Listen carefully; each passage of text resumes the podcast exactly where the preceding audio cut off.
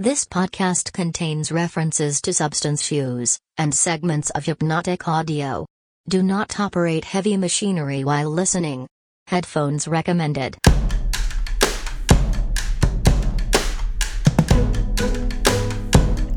Hi, my name is Hannah Rice, and you're listening to episode 5 of Real Legitimate Apocalypse, my investigation into one sinister Toronto based cult. Sana Cruciatu.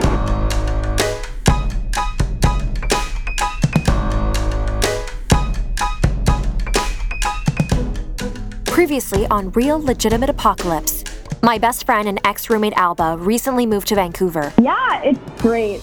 I'd started taking a meditation, wellness, and fulfillment class taught by Lawrence Studer, and let the light give you a big, warm hug.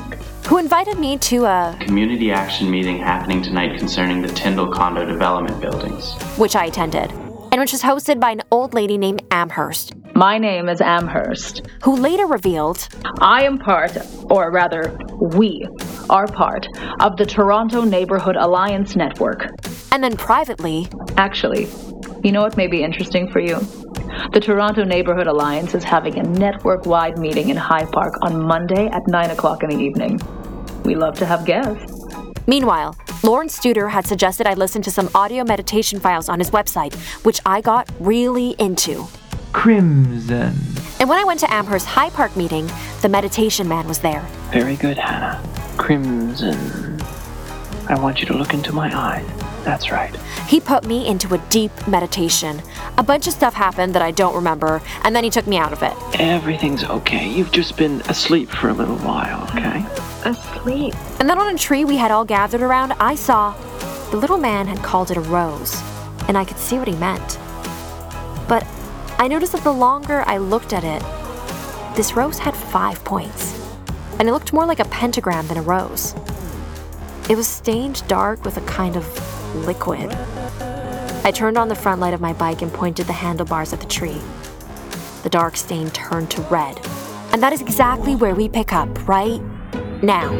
Immediately, I turned and marched my bike through the grass to the path. I felt like shit. My finger was starting to hurt where they had taped the bandage.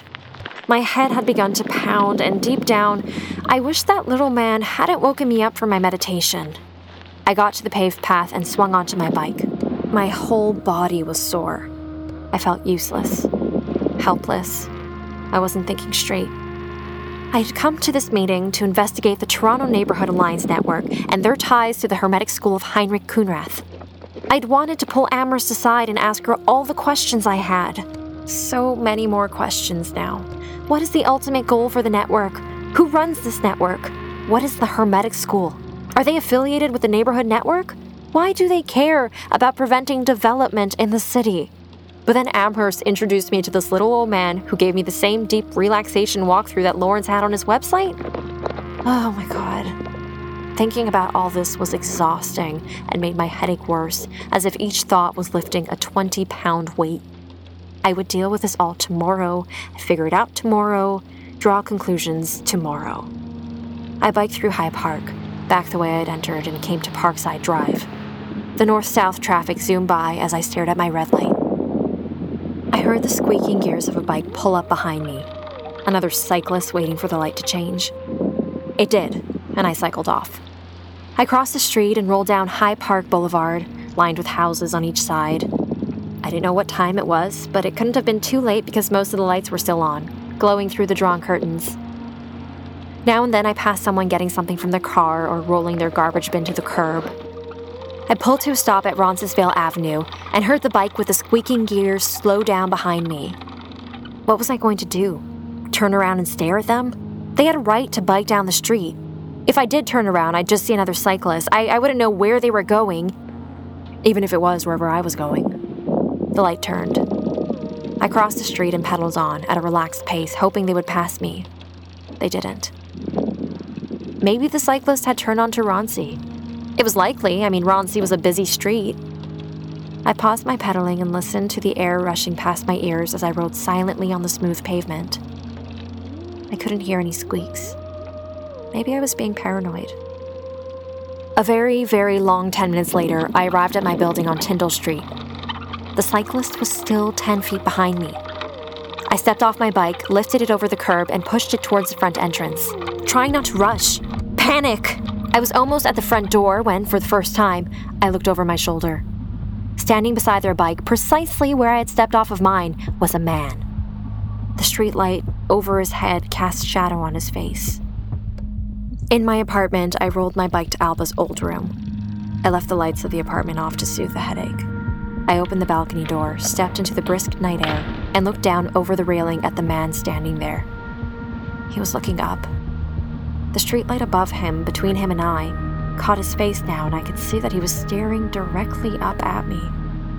I went inside and sat at the brushed steel desk that Alba had left me. I opened my laptop and went to purespacewellness.com without thinking, really. My head was still aching from the events at the park. The porcelain bust of Peter Mansbridge looked up at me quizzically. I went to the audio meditations. Thank you for listening to track two. To continue in the program and listen to track three, enter the course code. There was no option anymore to pay for the third meditation. I just stared at the screen. This was all that I wanted to lose this weird, hungover, dead feeling, the fear and confusion, to escape this moment and relax a bit, float away in a meditation, get back to that place of happiness. Heinrich Khunrath was born in the year 1560, four years before Shakespeare was born. Five years before the city Rio de Janeiro was founded in Brazil, a year after Queen Elizabeth I is crowned, and the same year a solar eclipse is seen over Europe. He was probably born in Dresden, Germany, and when he was 28, studied under Dr. Paracelsus at the University of Basel, Switzerland. Dr. Paracelsus was a physician, astrologer, and apparently a really cool guy. He pioneered the medical revolution of the Renaissance, and he helped move medicine away from a more butcher situation and into a science and chemistry direction. He was one of the first physicians to propose that poisons in small doses could be curative instead of like deadly, and is credited with introducing opium into Western medicine. He also professed the teachings of Hermeticism, which little Heinrich Khunrath really picked up on. Moving forward, I just want to make some things clear. Remember what I said weeks ago? And those are the five principles of journalism 1. Truth and accuracy. 2. Independence. 3. Fairness and impartiality. 4. Humanity. And 5. Accountability. Now, I'm going to try to stick try to these five principles in the story I'm about to recount. But each of them, all seven of them if you count all the ands, is going to be a challenge. And here is where the challenge starts. Looking back at this period, where we are in the story, where I'm under this influence, meditational state. It feels similar to looking back at a time in which I was, say, like, really inebriated. Not that I often get really inebriated. I remember making certain choices, doing certain things because they felt like a good idea at the time. But looking back now, I can't really rationalize those decisions. It felt like being inebriated, except it was better. I felt light as air, so comfortable. I don't know. It's hard to describe. Everything seemed so simple. But at the same time, thinking of anything complex was such hard work. I know, it was like I was in a really comfortable, warm red bed with red sheets and red pillows and red duvets, comforters, and everything was so warm and calm and so fuzzy. But each thought I had and each action I took that wasn't like the path laid in front of me, I know that's weird to say, but that's how it felt. Like there was a set of things I had to do that felt really good. Each of those took a pillow away, or a sheet away, and uncovered my feet and moved a pillow, and generally made everything more uncomfortable, and I just wanted to sleep and drift away in the big red bed. I know that's like the worst explanation ever, but it's all I got. I'm not gonna lie, it felt great and awful. Just keep this in mind as we move forward. I can't explain my actions and decisions for a lot of this, so don't, I guess, don't judge me. Or whatever. You know what? Judge me. The next morning, I was woken up by my phone. Hello? Hi. Hi. Hi. Alba? It was my best friend and ex roommate, Alba. Yeah. Hey. Did I wake you up? Mm, what time is it? Well, here it's 9 a.m. Oh. Okay. So in Toronto it's noon. Noon? Oh, shit. I realized I was wearing yesterday's clothes.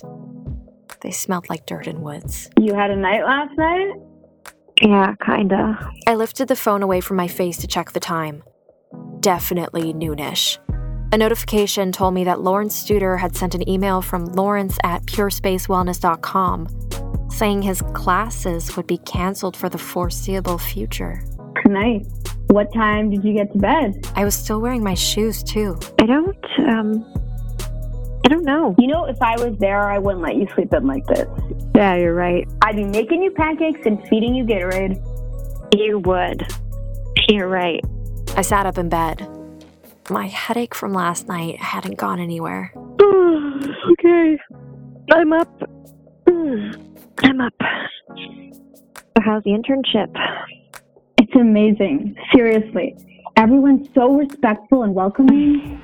That's awesome. I walked to the bathroom. Yeah, I've ended up doing a lot of research. Like, I knew I was probably not going to do much writing, so I'm not disappointed, but there's a lot of Googling and double checking, triangulating the facts, but it's great. I'm glad I'm not just getting everyone coffee. Yeah. Wow, it's so cool. I stared in the mirror. I looked not that great. Some dirt on my face. My hair was like a haystack. How's uh, the Hannah Rice investigative journalist life? That is what I am. It wasn't. I know. It's good. I lied. Yeah, it's it's it's pretty insane actually, and that's where I was last night. What? Yeah, there was like this meeting of these different neighborhood groups in High Park, Like a barbecue? like a gathering. Okay. And, like they all had like these like mason jar lanterns. Cute. Yeah. And then I met this guy who was doing this meditation thing. Oh, yeah? And I just like passed out. That's weird. Yeah. It was weird. But my thoughts were having a hard time figuring out why. Why would they have a meditation class in a park for a community meeting?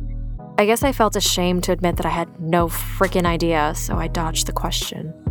It was a kind of gathering for members from around Toronto. There were only like 30 people. And they had a meditation class in the park and you passed out? No, it was like one on one with the coach. Oh, that's even weirder. I've done them before. The meditation? Yeah, and I think it was with the same guy. I'm so confused. I stepped out of the bathroom into the hall. It doesn't matter. Anyway, I'm kind of annoyed at myself for not asking the questions that I wanted to. I walked towards the kitchen to make the coffee that I desperately needed. Oh, yeah? Yeah, like I had this list of questions that I wanted to ask, but oh shit. I saw it. What? A folded piece of paper had been slipped under the front door and was lying in the hallway. I skipped over to it. I knew what it was. How did I know? Maybe you, listening right now, know what it was. That's how I knew. I unfolded the paper. I got another course code. HK6870. What? Yeah, for the next meditation. Oh, like the thing that you did in the park? I ran over to my laptop. I am so pumped. Okay, so I was taking this relaxation and fulfillment class, and it was actually really crappy, taught by this guy, Lawrence. But he has these online relaxation recordings that aren't read by him, but he has them like on his website, and they're so good. But only the first one is free, and to listen to the others, you need to like pay or enter a code. So I listened to the first one, and then Lawrence invited me to the community meeting about the high rise, and he gave me the course code for the second recording, which was great too. And now I have the code for the third one. Wow. Yeah. And they also had it at the High Park meeting? Yeah. And honestly, they make me feel so damn good. Nice. You've got to try it. Sure. Here, I, I'm gonna put you on a speaker, and I'll, I'll play it on play it on the laptop so that you can hear it. Okay. Uh, we're gonna do this now? Yeah, is, is that okay? I mean, sure. I mean, I'd send you the first couple, but I can't access them anymore. What do I have to do? Lie down? Yeah, or or just sit. I find it's better if the lights are off. Okay. It just like takes all the weight off your shoulders, you know? You're really hyping this up. I know, but like, it's better than you think. Okay, let me know when you're ready. Okay. Yeah, I'm ready. Whisk me away. Okay, here we go. Heinrich Khunrath developed into a Hermetic philosopher. Hermeticism states that there is one divine power in the universe, one truth that flows through all religions, and it is the goal of Hermetic scientists to discover this one great truth. To do this, one must combine the three studies of the universe alchemy, the study of the reactions of chemicals, astrology, the effects that the planets and stars have on our lives, and theurgy, the study of angels and demons. Heinrich spent his life searching for the one truth that was at the core of the universe, the secret, the one path to spiritual divinity and perfection. Hello, and welcome to this tape three of guided meditation for higher personal fulfillment. In this exercise, I will guide you into a meditative state. You will remain in complete control at all times. All of my suggestions you can choose to fulfill or ignore. The choice is up to you. Close your eyes. Breathe in and breathe out. In And out. Relax. As you begin to relax, acknowledge the tensions you hold in your body and in your mind. and in your mind. And in your mind. I'm going to say the most powerful word in your universe in three. Don't get too excited. Two, prepare yourself. One, open up to it. Crimson. I guess you probably won't be surprised to hear this. After this part, I actually don't remember much. Breathe it in and breathe out. Breathe it in, Hannah, and breathe out. Feel the trauma in your body. Feel the trauma in your body. You hold it with you every day, in your body and in your mind. and in your mind. Take yourself back to that day in the car with the trees and your uncle. Imagine yourself there. Where are you? At my uncle's house, Is it scary? there's a door. Open it. He told me not to. But you will. I open it. He sees me. Run. I'm sorry. Keep running. I didn't mean to. I'm going to save you now, okay? Please. Breathe in and breathe out. Here we go. Please. Crimson. Let the waves of the sound engulf you. Crimson. Let the scene be washed away. Crimson. Let your your uncle disappear. disappear. Crimson. Let it be washed away completely. Crimson. Into oblivion. Out of your psyche. Out of your life. Crimson. Let the rest of you be washed away as well. Crimson. All your history. Crimson. All your passions. Crimson. All your thoughts. Crimson. Uh, and feel your spirit rise out of your dark, painful life and into a higher form of life, into one with a higher meaning, into your full potential, your fulfillment. My voice carries you there. Oh man, it's so You funny. are weightless. You float on the waves of my voice in this crimson sea. My voice caresses you, stimulates you, and fills your body, and you are my voice. You are the crimson sea, and my voice drives you like an engine. Your right hand twitches. Now your left hand twitches. The bright crimson energy glows red hot, and you sit. Stand up. My voice is you, and you are my voice, and we are crimson. Now I'm going to ask you to do something, Hannah. In one motion, without hesitation, with ease and clarity. Crimson. Hang up the call with Alba. No. Hannah. Hannah. You were unable to ascend to the next stage last night. The problem seems to be that you are holding something We're back. holding something back. You have a kind of Ulterior motive. If you were to rise as far as we hope, you would have to be party to secrets that you would need to keep. We would have to trust you. Alba is going to call back. Do not answer the phone until you have finished this meditation. When you do answer the phone, tell Alba this meditation is very personal and that you didn't want her to hear you deal with your trauma. Deny you heard my voice say to hang up the call with Alba.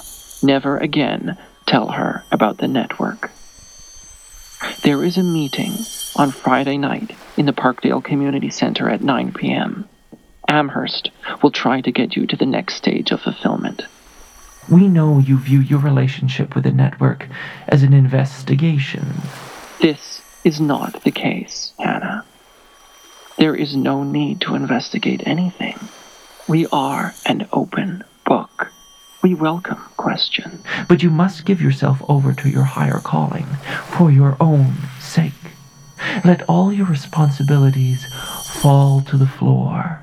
You are not capable of completing them. Your hopes and dreams make you base. They are impossibilities, and your despair when you fail will destroy you. Your only path to happiness starts by embracing these, These lessons. lessons. You have been nominated, Hannah, to ascend. So drop these weighty responsibilities and rise. Thank you for listening to tape three of Guided meditation for higher personal fulfillment. Provided by Pure Space. recorded in Toronto, Canada.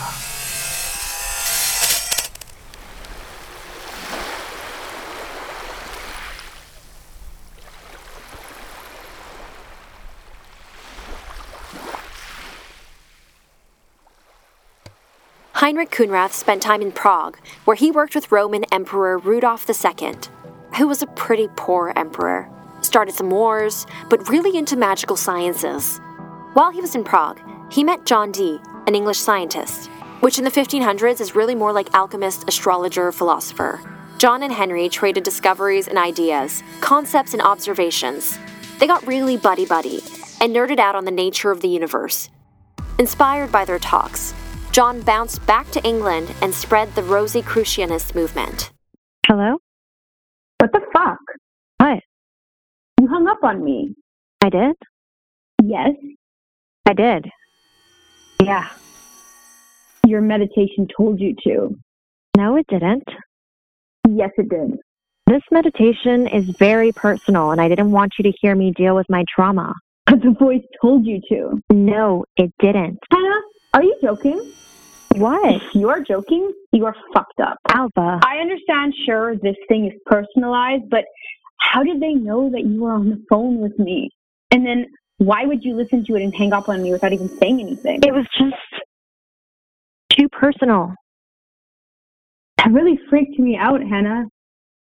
I'm sorry. I want to know you're okay. I am. Like this idea of self enlightenment and fulfillment. Fulfillment? Yeah, rising out of your dark life and into your fulfillment or something like that.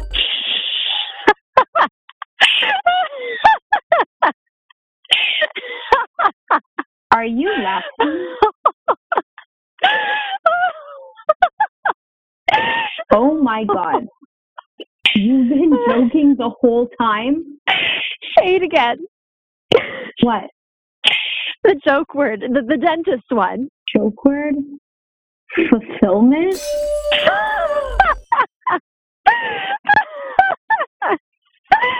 Hannah? I feel fucked up.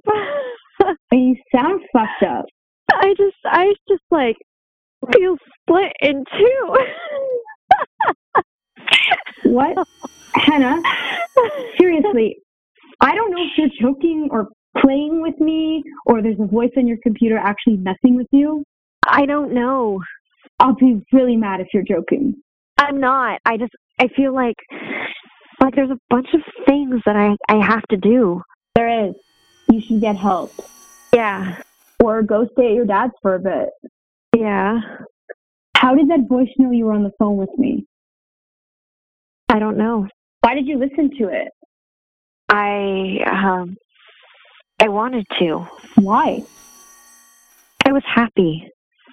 What? It made me feel good. Look, I don't really remember. You got these tapes from your meditation teacher? Lawrence, yeah. And he's the one who suggested you go to this neighborhood meeting. Yes. And then at one of these meetings in Hyde Park, they did this meditation? Yes. And did they make you do anything? I don't remember. And you don't remember. And also, I found out that this Toronto Neighborhood Alliance Network is somehow linked to this hermetic uh Yes. this um I don't remember. Just what? Alba, that meditation was very personal and I just didn't want you to hear me deal with my trauma. What? It's no big deal. I'm fine. Are you high? I'm fine. You are saying the Toronto Neighborhood Alliance Network is linked somehow to. I don't know what you're talking about. Yes, you do! The Toronto Neighborhood Alliance Network. I've never heard of it. Do you want me to say fulfillment again?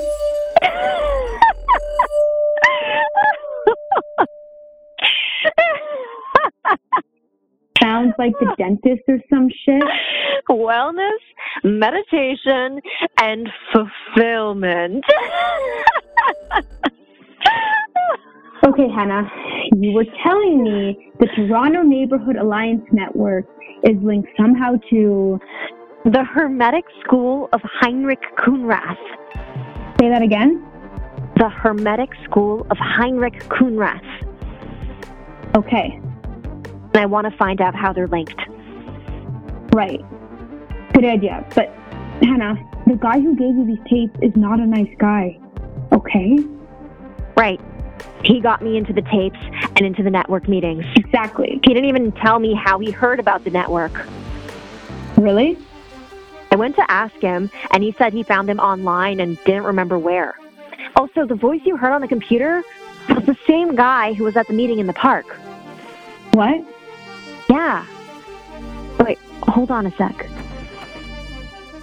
There's someone outside What? watching me. Excuse me. He followed me home from the park last night. Hannah, you're scaring me. Sorry, sorry, just a sec. Hello? Crimson. The All creates in its infinite mind countless universes which exist for eons of time. And yet, to the All, the creation, development, decline, and death of a million universes is as the time of the twinkling of an eye. Principle 4 The Principle of Polarity. Everything is dual. Everything has poles, everything has its pair of opposites. Like and unlike are the same. Opposites are identical in nature, but different in degree. Extremes meet. All truths are but half truths, all paradoxes may be reconciled. This principle embodies the truth that everything is dual. It explains that in everything there are two poles, or opposite aspects, and that opposites are really only the two extremes of the same thing, with many varying degrees between them. Where does darkness leave off and light begin? What is the difference between large and small, between hard and soft, between black and white, between sharp and dull, between noise and quiet, between high and low, between positive and negative? The same principle operates on the mental plane. Let us take a radical and extreme example that of love and hate. Two mental states apparently totally different.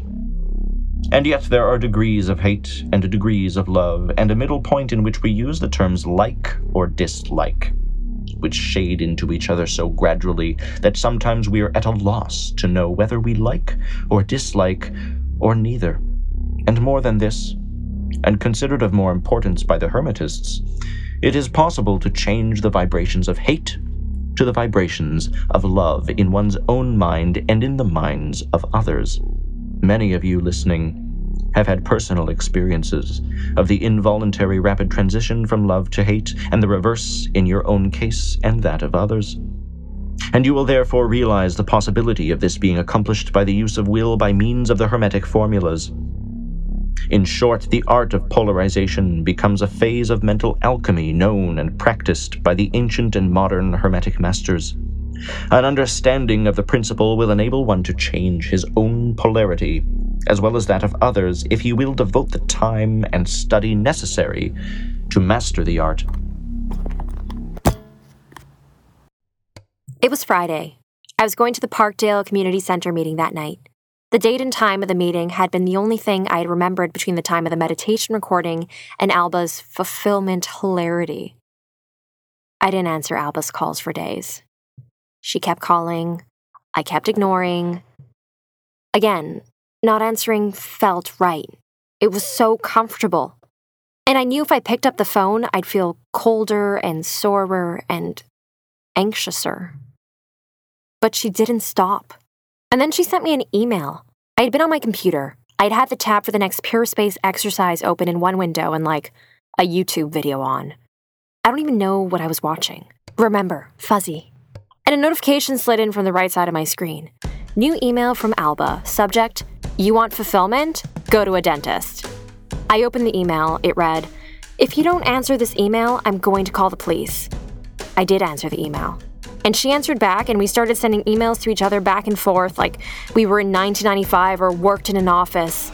I ended up saying I wanted to go to the meeting. I had to go to the meeting.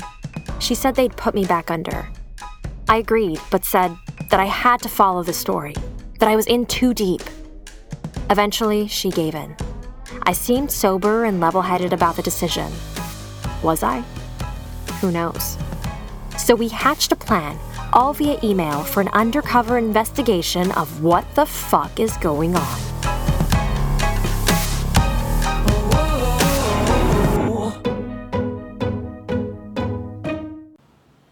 Hello, Hannah. I'm glad you came. Hi. I'd like you to meet Emily. Hi, Emily. I was in the basement of the Parkdale Community Recreation Center, room 003. There was only three people in the room. Amherst, as usual, with her pudgy, wrinkled face, fat red lips, and bright red short hair, was in here, along with someone who I had never seen in this room, but who I had seen before. It was the girl from the High Park meeting. and they all held tea light jars. Except, I saw, for a young woman who stood in one of those cliques, awkwardly and silently looking around at the rest of the garden party. An older man had his hand around her arm, holding her in place. Apparently, her name was Emily. Have a seat. We sat in three chairs, each one facing the other two. I know you both have had a rough week. I looked at Emily. It was true. She did look like she had had a rough week. She looked like she would be a stunningly beautiful person if she also didn't look like she hadn't left her place in a month and wasn't surviving off of only saltine crackers. I want to help you, okay? We both nodded. Now I know, and you know, that you wouldn't be here if you didn't want to be helped, if you thought you couldn't be helped. So coming here tonight is a very promising step each of you has a different issue, a different aspect that is holding you back. We're all friends here, and I hope, and I know you hope, that we'll all become better friends and move on from this. Keeping that in mind, Emily, you seem to have lived through incredible amounts of trauma, painful trauma, that you are holding on to so tightly with your little hands you can't let it all go. Hannah, you seem to have this ulterior motive. You don't seem to be in this for your own completion, but for different reasons. Both of you have to let something go. We're here because I want you. You both are special and have been nominated to ascend. Let's make it happen. Everything in the all, in the universe, has a frequency of vibration. Your body has a frequency, your mind has a frequency. This table has a frequency of vibration. The miraculous thing is that we have the ability to change the frequency or rate of vibrations of all things in the all. Amherst had a black case on the desk beside her. She opened it. Some kind of device was inside. It was like a cube with little knobs on one side. If I had to have guessed, I would have said it was like a large camera accessory, like a battery pack. By changing the rate of vibration of your minds, I can change you for the better. She pressed a button on the machine, and this sound blasted out.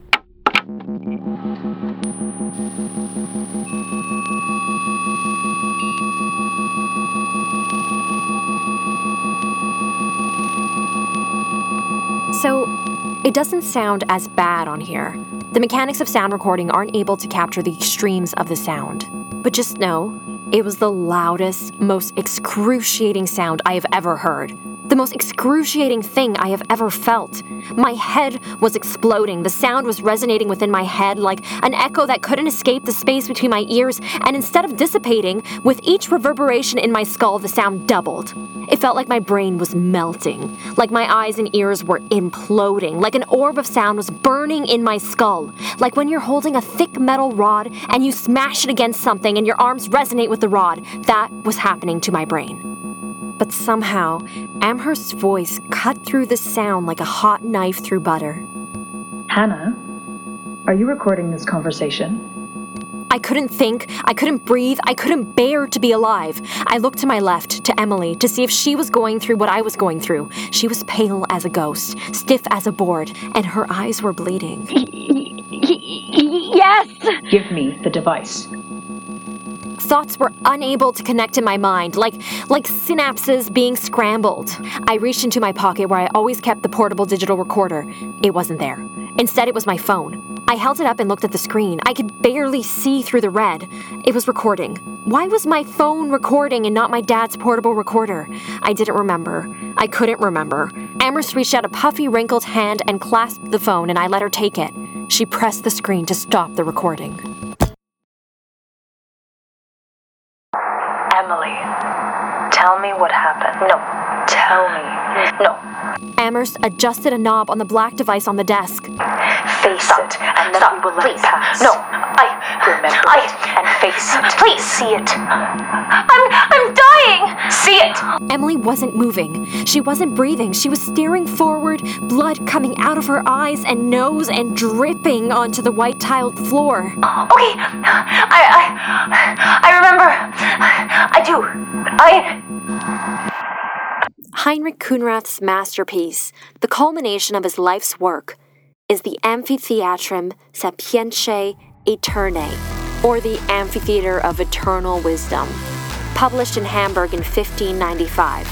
It is a work that consists of 25 pages and four engraved, hand colored copper plates, highlighted with gold and silver. These plates combine Christian, Hermetic, and occultist imagery paired with cryptic multilingual texts and geometric shapes, all pointing towards the one alchemical truth of the universe, the primordial matter, and the one secret holding the all together. I woke up in a room I had never been in, filled with smells I had never smelled.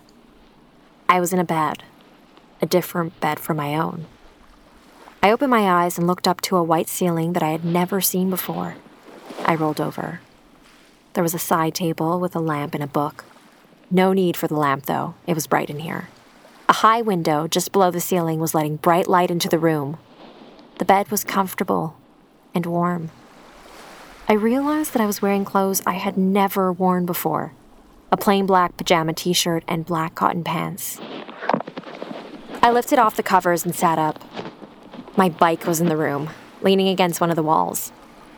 It was a small room, 10 feet by 12 feet, just large enough for a single bed, and there was a closet in the room, too. I stood and opened the door of the closet.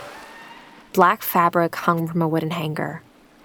I felt a bulge under the black pant leg just above my ankle. I rolled up the black cotton. Dad's portable digital recorder was taped around my leg, still recording. The warmth of the bed had passed, so I stood up and slid the black fabric off of the hanger. It was a kind of nightgown with like a black belt around the waist and and a big hood. I pulled it on. I went to the door of the room and turned the handle. It was unlocked. I slowly pushed open the door. My room was in the middle of a long 50 foot hallway lined with doors. At one end of the hallway was stairs leading up, with sunshine cast from the floor above. I made my way silently down the hallway towards the stairs. The stairs led to a small room, an alcove. I climbed the stairs and discovered that this was the antechamber to another massive room. This room was bright, with a high ceiling held together with great wooden beams. I stood in the doorway. Chairs filled the space, all pointed towards a podium on a raised stage in a corner of the room. Above the podium, on the wall, was a large bright image painted and engraved on a large metal sheet. It was a circular image, with different rings expanding from the center. The outermost ring was dark and filled with a kind of writing. Some letters I didn't recognize, some I did. Within that ring was a lighter gray ring with a circle of large Latin text. Next in was a ring of dark clouds and 12 yellow plinths, each with lettering on it. Then, closer to the center, was a ring of red fire. Although it wasn't really a ring, it was more like a polygon with five tips, a pentagon. Each tip of the flames could have also been a red petal. At the center of the fiery rose was the shape of a human, arms outstretched on each side. I looked away from the great piece of art. Two walls of the room were lined with windows, letting the morning sunshine in. Outside was a lawn, lined with a low fence. On the other side of the fence, 200 feet away from where I stood, was a paved street. I knew where I was. You know where I was. I was inside 97 Glen Edyth Drive. I was inside the Hermetic School of Heinrich Khunrath. Good morning, Hannah.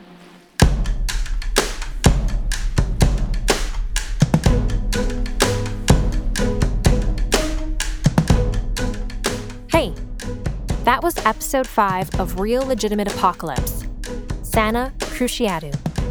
We are halfway through the story, but there is so much more to come in the next five episodes. Moving forward, things are going to get pretty wild and unbelievable.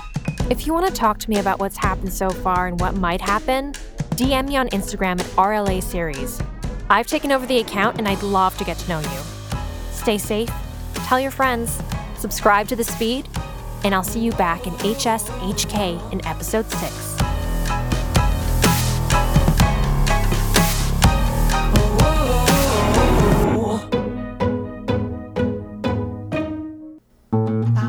This podcast has been brought to you by the Sonar Network.